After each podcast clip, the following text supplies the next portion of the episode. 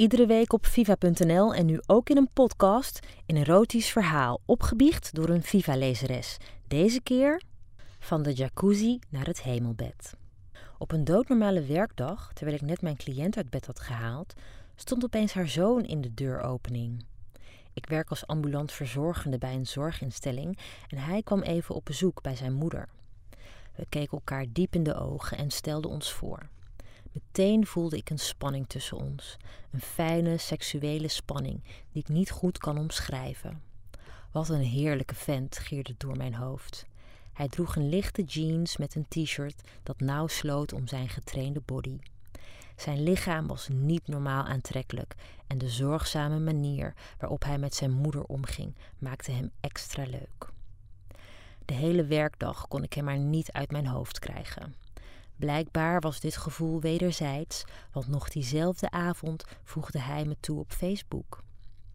We raakten aan de praat en de volgende avond stond ik al bij hem op de stoep.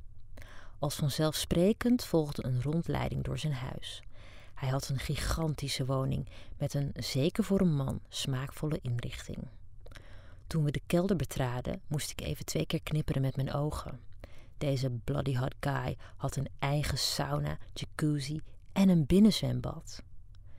Na zijn indrukwekkende huis te hebben gezien, nipten we aan de Chardonnay en kletsten we vurig over ons werk. Het geklets duurde niet lang. De spanning die we de vorige dag hadden gevoeld was weer hevig aanwezig. Onze lippen vonden elkaar en ik proefde de smaak van zijn witte wijn.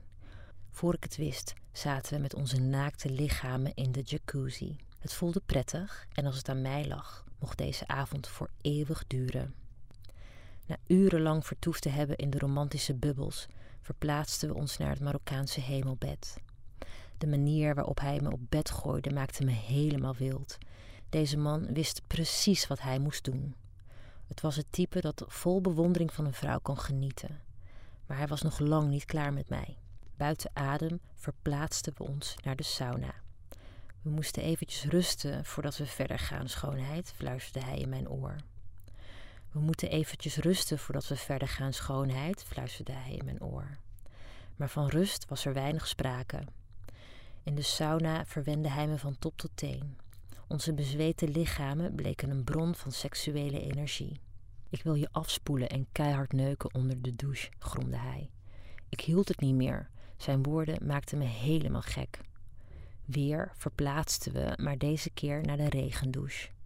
Hij tilde me gretig op en duwde me tegen de wand aan. Zijn stijve gleed soepel bij me naar binnen en het water dat tegen de muren kletterde kon ons harde gekreun niet overtreffen. We bevonden ons beiden in een waas van opwinding.